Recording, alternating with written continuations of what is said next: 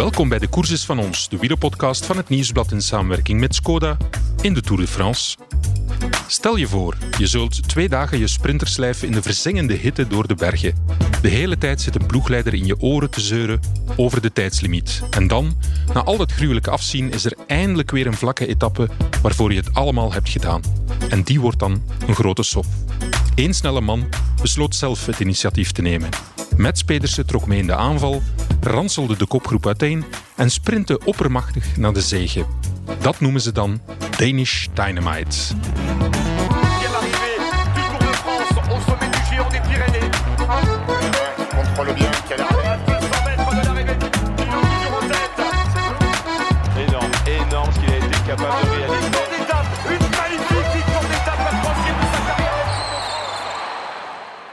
In de perszaal is een bekende wielerdeen aan het werk. Tot woensdag was hij de laatste Deense gele truidrager. Michael Rasmussen werd in 2007 in het geel uit de Tour gezet en zou later dopinggebruik toegeven. Hij werd na zijn biecht geschorst, zat zijn straf uit en is sinds 2015 terug in de Tourcaravaan voor de Deense krant Extrabladet. We haalden hem gisteren tijdens de etappe even van achter zijn laptop om het over Jonas Vingegaard en het Deense wielrennen te hebben. Op dat moment hing het nog in het midden of Mats Pedersen voor een nieuwe Deense triomf zou zorgen. Rasmussen wilde niet te ver van zijn scherm weglopen, want hij had er wel een goed oog in. Rasmussen kwam een paar keer scherp uit de hoek. Hij vindt Tadej Pogacar nog steeds de beste renner in de Tour, maar in de woensdagetappe viel de Ferrari zonder benzine. Hij zou er in de plaats van Vingegaard nog niet gerust op zijn. Maar hij gelooft niet, zoals sommigen denken, dat zijn landgenoot zal bezwijken onder de druk van het geel. Daarvoor heeft hij een veel te sterke ploeg achter zich. Van de schoonmoeder van Vingegaard moet hij niet echt weten. Zij won Beek of Denemarken en is sindsdien een bekendheid. Dat ze in de Tour in de kijker loopt, interviews geeft en aandacht naar zich toetrekt, vindt Rasmussen maar niets. Michael Rasmussen, tell me, what are you doing in the tour? Well, I'm working for the Danish newspaper Ekstrabladet. That's the biggest uh, tabloid uh, paper in Denmark. So, yeah, I'm, I'm here as a commentator. Newspaper writing articles also, or just giving your views, your knowledge about cycling? Uh, I'm writing columns and making videos, uh, analysis. I uh, suppose that you wrote a lot about uh, Jonas Vingegaard. I mean, what do you think of his uh, Tour de France so far? Well, he's been been really really good so far, and you know, actually, I think he's been maybe just as good as he was last year. As good as last year, but with a better result. Is it then Pogacar who is less, or how, how do you see it?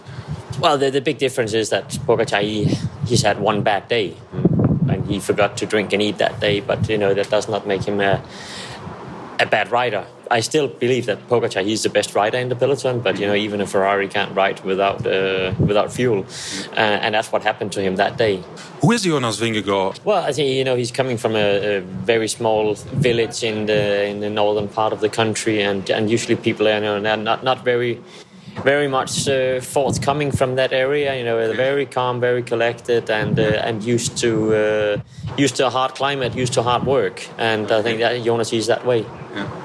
But he can sustain the heat, apparently very well. Explain that because I, I don't think it's it's so warm there. No, but you know, it, I guess normally the the small, very slim guys they they have a tendency to cope better with the heat. That, that's for sure an advantage for him. You know that? Yeah, well, you know that has to do with the you know I guess with the surface area you have uh, compared to your body weight. Um, to deal with the pressure of the yellow jersey. Are you confident that he can cope with that? Yeah, well, we, have no reason to believe that he, he shouldn't be able to. He has a very strong team and very experienced team behind him, which are giving him all all the tools to, to handle the situation. So if, if he's well prepared physically, uh, then there's no reason why he shouldn't be able to. So you believe the team will take a lot of pressure from him? Yeah, yeah, absolutely. I mean, they've been in this situation before with uh, Roglic uh, recently, and uh, you know they've had so many situations this year, but they've been racing for victory. It's uh, maybe the number one team in the world right now. So it, it's not new to them to defend the jersey. How popular is he in uh, Denmark? Can you explain that to us? Well, I guess Jonas's uh, popularity exploded last year when he ended up on the podium in Paris, and now it's uh, just going through the roof. It's like a fairy tale. Eh? Uh, the tour started in Denmark. Then we had Magnus Kort, who made a big show, won a stage. Now Jonas. I mean, for Danish cycling, this must be amazing what happens in this Tour de France.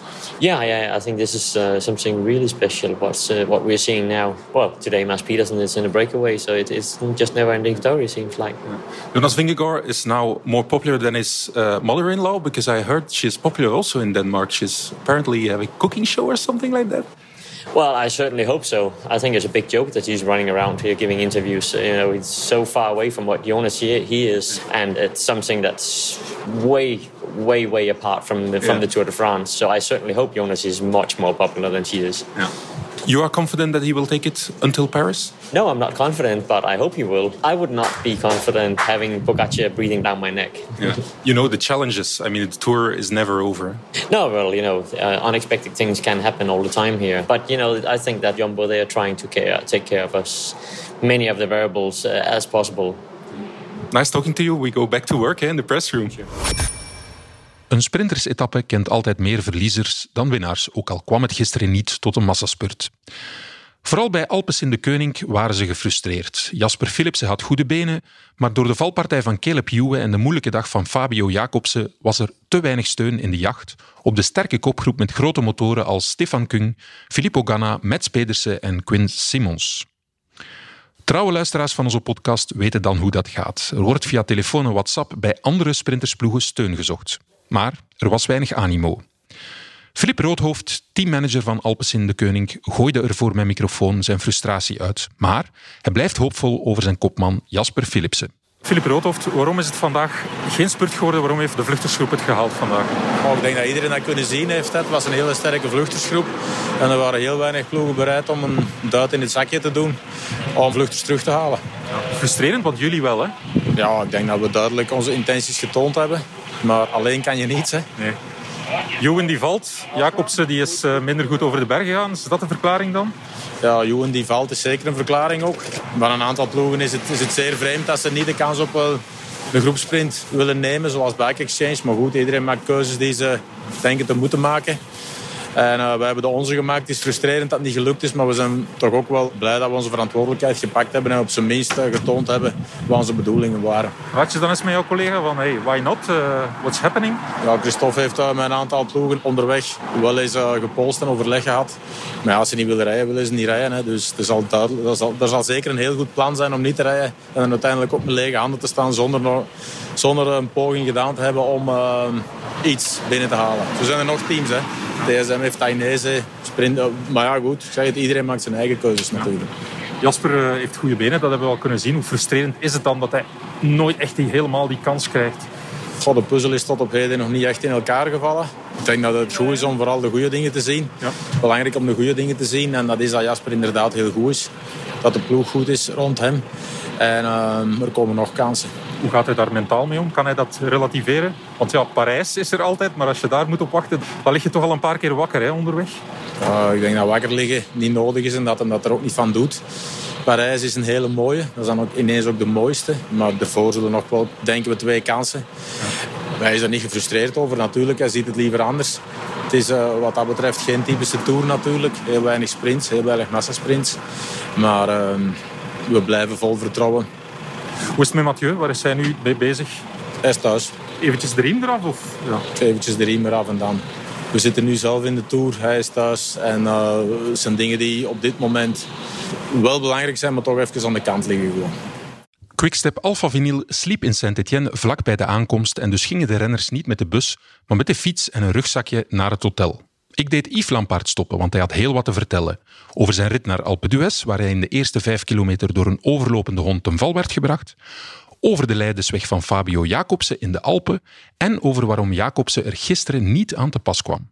Alpe d'Huez uh, heet gevaarlijk te zijn, maar bij jou liep het al vroeger mis, hè? Ja, inderdaad. Achter uh, vijf kilometer een loslopende hond die door het peloton loopt. Ik had die nooit te zien en de renner voor mij remt uh, brusk en volledig verrast in, in, in zijn achterwiel gereden. En, uh, op de grond. Het zit in een klein hoekje, de eerste vijf kilometer zeg. Ja, inderdaad. inderdaad. Ik sta nog thans helemaal vooraan. Dus... Waar je moet zitten. Ja, inderdaad. Ja, inderdaad. In principe zou ik het al moeten gezien hebben, maar uh, goed, ja.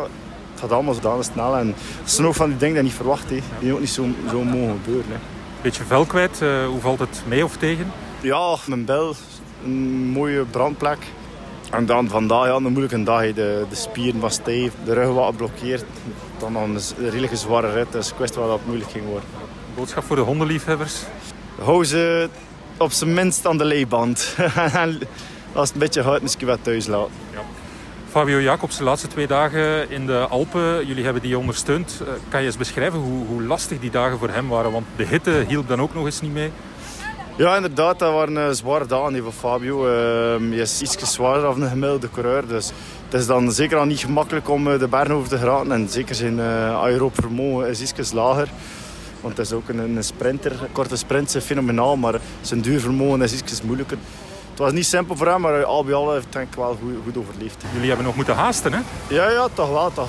we krijgen altijd wel onze tijd wat door, maar toch uh, rekenen je erop van hopelijk niet meer of of een minuut de, de kilometer te verliezen op de, op de toppers.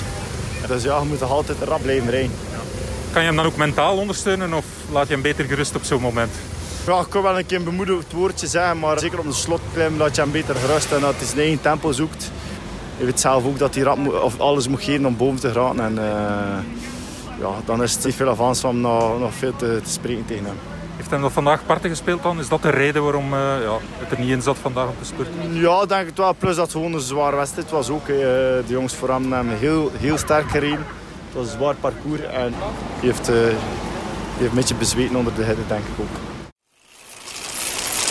Je gezin is net als een wielerploeg. We moedigen elkaar aan. En we weten dat we met de tips van onze ploegleider we alle kansen hebben om echte kampioenen te worden. Skoda, supporter van de grootste fietsfamilie.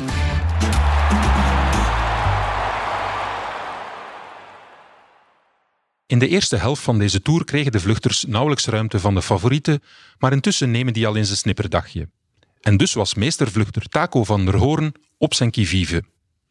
De Nederlander van Intermarché van Tigobert heeft van ontsnappingen zijn handelsmerk gemaakt.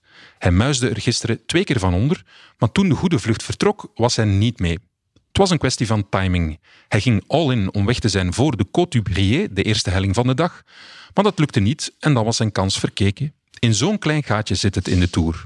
Een revanche voor zijn nipte spurtnederlag in de kasseirit bleef dus uit. Maar Taco beloofde plechtig voor mijn microfoon dat we hem deze Tour nog gaan zien. Voorin dan, niet zoals op Alpe d'Huez, toen hij in de achtergrond een biertje aannam van dolle supporters. Taco van der Hoorn, ja, het is een vlucht die wint. Je hebt alles gedaan om uh, mee in de vlucht te zitten, maar het is niet gelukt. Baal je dan extra? Nee, ik denk dat het vrij eerlijk was. Ik had alles opgezet om proberen voor dat eerste klimmetje weg te komen. En dat lukte niet. Gaan ze op dat klimmetje eigenlijk en dan had ik toch niet mee gekund. Dus op zich is het vrij eerlijk. Je hebt twee keer geprobeerd, toch?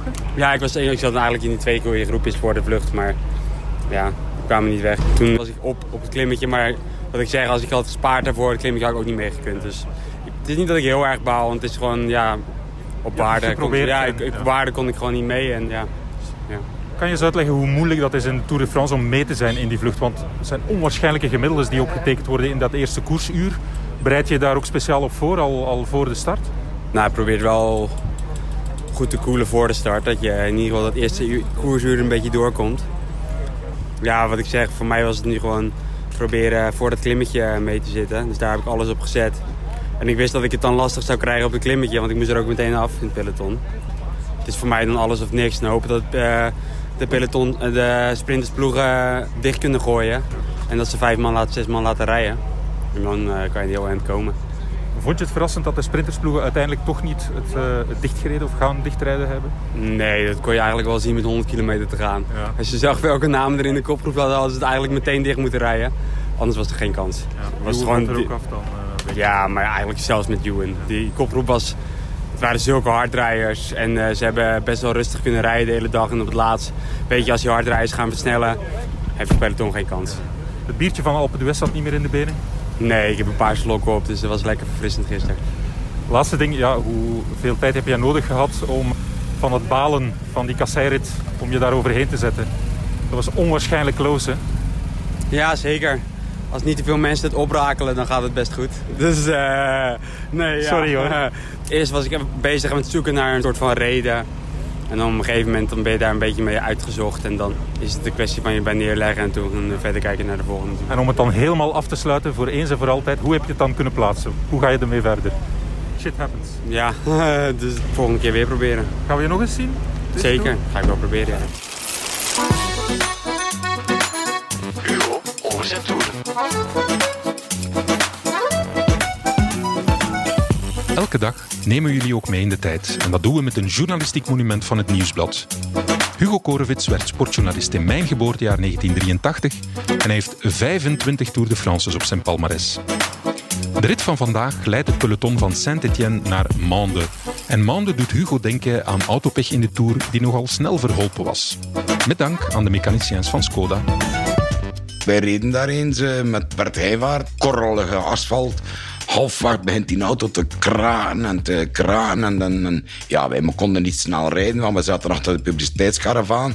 En ja, uh, zei Bert, jongen, uh, Hugo, we gaan met die auto niet naar beneden, want uh, dat is levensgevaarlijk, word je dat kraten en doen. En, ja, we komen boven op de landingsbaan, want de finish is op een startlandingsbaan van een aerodroom de Monde.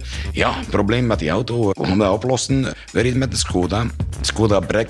En Skoda is ook de, ja, de auto van de Tour de France, van de organisatie. Wat mij ertoe bracht van, tja, ik zou toch beter eens naar die mensen van Skoda gaan. Dat zijn meestal zelfs checken die mee zijn. Om te vragen wat dat er aan onze auto was. En um, ik had al gezegd, Bert, dat kan niet veel zijn, jong. Dat is maar de laatste twee kilometer dat we dat horen. En uh, die man kwam bij en uh, ik keek en uh, hij nam zijn compressor. En hij spoot wat lucht en de steentje vloog eruit die eigenlijk tegen de schijfrem duwde. En voor dat krassend geluid zorgde. En hij zei, vas-y. We waren weer opgelucht en naar beneden.